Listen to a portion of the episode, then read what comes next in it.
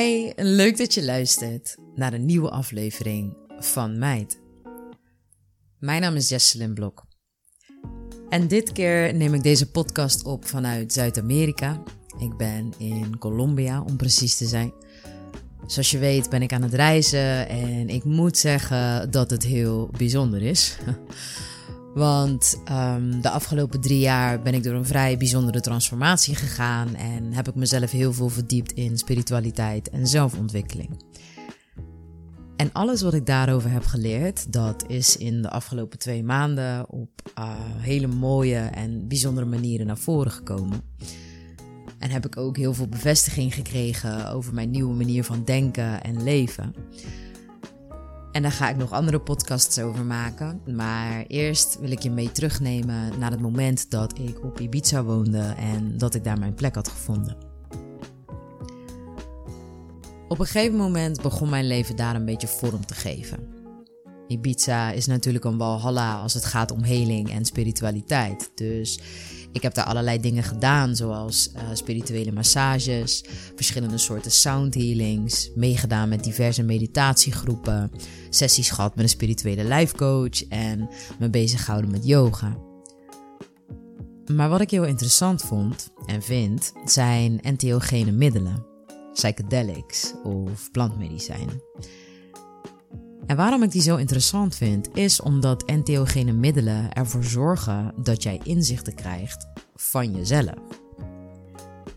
Spiritualiteit is natuurlijk een gebied waarbij iedereen maar kan zeggen hoe dat in elkaar steekt en heeft daar ook een eigen mening over, wat heel logisch is omdat iedereen op een andere manier naar de wereld kijkt. Maar niemand weet hoe het echt precies zit. Dus je kan hulp zoeken bij iemand anders, maar uiteindelijk moet je bij jezelf nagaan wat de antwoorden zijn op de vragen die je hebt. En als je plantmedicijnen gebruikt, wat je dan te zien krijgt of de inzichten die je mag ontvangen, dat krijg je van jouzelf. Wat je dan ziet, dat is jouw eigen waarheid en dat ontvang je omdat jouzelf jou op een dieper niveau aan het helpen is.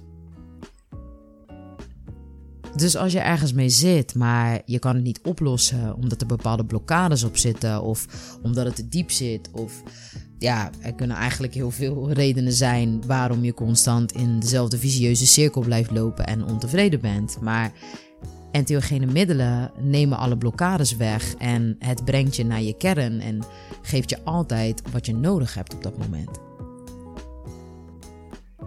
En op Ibiza was ik een keer met een mandala-kunstenaar aan het chillen. En hij had tegen mij gezegd van... joh, ik heb hier een hele apotheek aan plantmedicijnen staan. Dus als je ergens in geïnteresseerd bent of je wilt iets proberen... dan moet je het even zeggen. Dus ik zei, nou ja, is goed. Uh, wat heb je dan? Nou, en hij had echt van alles. Van natuurlijke MDMA tot aan rapé. Dat is iets wat je moet roken en uh, daar word je heel rustig van. Hij gaf zelf Kambo-ceremonies. Dat is een bepaald kikkergif om jezelf te reinigen. En ja, ga zo maar door. Maar wat hij ook had, waar ik erg geïnteresseerd in was, was Changa. En dat is DMT met bepaalde kruiden en dat kan je dan roken. En DMT, dat is een stofje dat wij mensen van nature al bezitten en wat vrijkomt op het moment dat je geboren wordt en op het moment dat je doodgaat. En ze hebben DMT gevonden op een aantal planten in de wereld. En ja, ik was daar heel erg geïnteresseerd in, omdat DMT ervoor zorgt dat jij binnen no time naar een andere dimensie gaat. Want ja, als je erover nadenkt dat het vrijkomt in jouw hersenen op het moment dat jij geboren wordt en op het moment dat je doodgaat. Ik heb het verhaal ervan gemaakt voor mezelf dat dat betekent dat jij dan dus door een soort poort heen gaat van de ene dimensie naar de andere dimensie. En in tegenstelling tot ayahuasca duurt DMT uh, een reis duurt ongeveer 10 à 15 minuten. En ja, je gaat ook niet overgeven of andere gekkigheid. Dus ik had gevraagd of we een DMT-ceremonie konden houden. En als je plantmedicijnen gebruikt, is het belangrijk dat je dat met respect voor het medicijn doet. Dus niet om even te trippen en even recreatief te gaan kijken wat er allemaal in die andere wereld is, maar gewoon echt met een intentie. Dus voor zo'n ceremonie vraag je aan jezelf van oké, ik wil graag antwoorden hebben op deze of deze vraag. En ik wilde graag weten waar ik aan mocht werken om mezelf beter te voelen, want in die tijd ging het nog steeds niet helemaal lekker. Maar goed, ik ging liggen op een bank met een deken over me heen en de mandala kunstenaar deed de changa in een pijp. En ik moest drie echt goede halen nemen. En ik doe dat. En ik schiet gewoon soort van uit mijn lichaam of zo. Het was heel bizar. En ik kom terecht in een andere wereld. En het is een heel festival. Allemaal verschillende soorten wezens, allerlei kleuren en figuren. Maar ja, het was, het was too much eigenlijk. En het ging heel snel en alles ging door elkaar heen. En al die wezens die waren heel blij naar mij aan het zwaaien. En die waren mij helemaal aan het verwelkomen, zeg maar. En het is heel gek, want ze praten niet. Dus ik voelde wat ze tegen me aan het vertellen waren. En alles en iedereen was heel blij en het was helemaal gezellig. en op een gegeven moment zie ik een soort potato het mannetje boven de menigte uitspringen. En die zijn naar mij dat ik hem moet volgen. Dus ik volg hem en we gingen door allerlei dingen heen en overal naartoe en weet ik het wat allemaal. En toen gingen we door een soort buis die je op van die bouwplaatsen ziet, zeg maar. En we komen uit in echt een intens groot veld met alleen maar ballerina's. En al die ballerina's waren heel mooi synchroon met elkaar aan het dansen. Het was zo mooi. En toen ineens kwam er één ballerina uit die menigte en die zwaait naar mij. Of nou ja, die, die, die wuift een beetje zo van je moet hierheen. En ik volg haar en we komen uit in een ja, soort vallei met hele mooie bloemen en planten. Het was zo bijzonder wat ik allemaal zag. En die ballerina eindigde bij een schelp een levensgrote witte schelp. En de schelp was dicht, maar toch kwam er allemaal licht uit. En ze danste eromheen en ze wees ernaar. En er was iets met die schelp. En toen was die reis voorbij. jongen, jongen. Dus ik doe mijn ogen open en ik begin gelijk heel druk te praten. Van ja, dat was een schelp, maar ik weet niet wat ze ermee bedoelde. En ze danste omheen. Dus die kunstenaar zo tegen mij van ja, oké, rustig, rustig. Adem in, adem uit. Het is nogal een gebeurtenis, dus je moet eerst heel eventjes landen. En uh, daar had hij ook gelijk in, want het duurde misschien maar 10 minuten, maar het was heel extreem. Een soort mini-ayahuasca, maar dan in zo'n hele korte tijd gepropt. Dus ik moest mezelf rustig maken en ik probeerde die reis weer in mijn hoofd af te spelen om te ontcijferen wat er werd bedoeld met die schelp, maar ik wist het niet. Dus na een minuut of tien was ik gewoon weer precies hetzelfde als voordat ik DMT had gerookt. DMT is ook totaal niet gevaarlijk, zolang je zeg maar alleen DMT gebruikt. Dus als je bijvoorbeeld antidepressiva slikt of andere chemische drugs, dan kan het dus niet, want dat is heel gevaarlijk omdat je lichaam dan kortsluiting kan krijgen. Dat, dat werkt gewoon niet samen. Maar goed, uh, de ceremonie is voorbij en ik rijd weer naar huis. En die nacht had ik heerlijk geslapen. En ik word de volgende dag wakker en ik ga naar mijn yogales. En ik kom aan bij de yogalerares thuis, want vanwege het virus moesten we stiekem bij haar thuis de les volgen. En ik kom daar aan en ze doet de deur open en ze heeft een witte schelp in de handen. En ze zegt tegen mij: Ik heb er nog eens even over na zitten denken. Maar ik denk dat je zo stijf bent aan de linkerkant van jouw lichaam omdat je geen ruimte geeft aan jouw vrouwelijke energie. Je mag jezelf wat kwetsbaarder en meer open gaan opstellen. En ze kijkt naar die schelp in de handen en ze maakt een grapje. En ze zegt, net als deze schelp.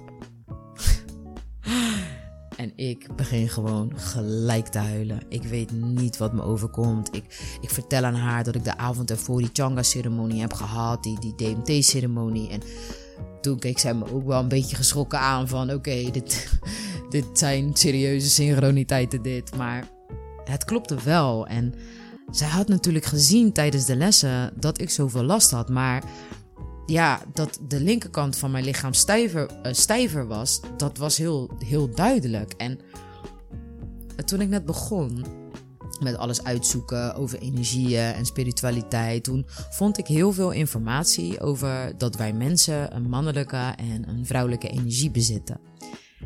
En die vrouwelijke en mannelijke energie, die kan je als het ware leren kennen. En dan kan je kiezen welke je wilt inzetten of hoe je daarmee om wilt gaan of aan welke energie je ruimte wilt geven. En dan zie ik het zo dat de zon uh, symbool uh, staat voor de mannelijke energie. Dus het kracht zetten naar buiten toe, uh, jezelf zichtbaar maken, actie ondernemen, het denken, echt het mentale en het rationele stuk. Dat is je mannelijke energie en dat bevindt zich aan de rechterkant van je lichaam. En daarnaast zie ik de maan als symbool voor de vrouwelijke energie. Dus het kracht zetten naar binnen toe echt het voelen van jezelf, je intuïtie, um, het stukje zelfliefde, het irrationele stuk. En um, dat bevindt zich aan de linkerkant van je lichaam.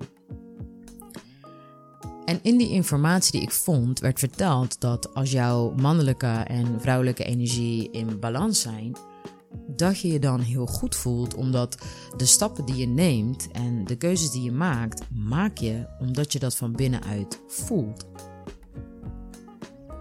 En ik begreep dat niet zo goed, omdat ik zelf in de afgelopen jaren volledig en alleen maar in mijn uh, mannelijke energie heb gestaan om alles voor elkaar te krijgen wat ik destijds voor elkaar heb gekregen. Ik luisterde totaal niet naar mijn gevoel. En sterker nog, ik was een baas in het onderdrukken van mijn emoties.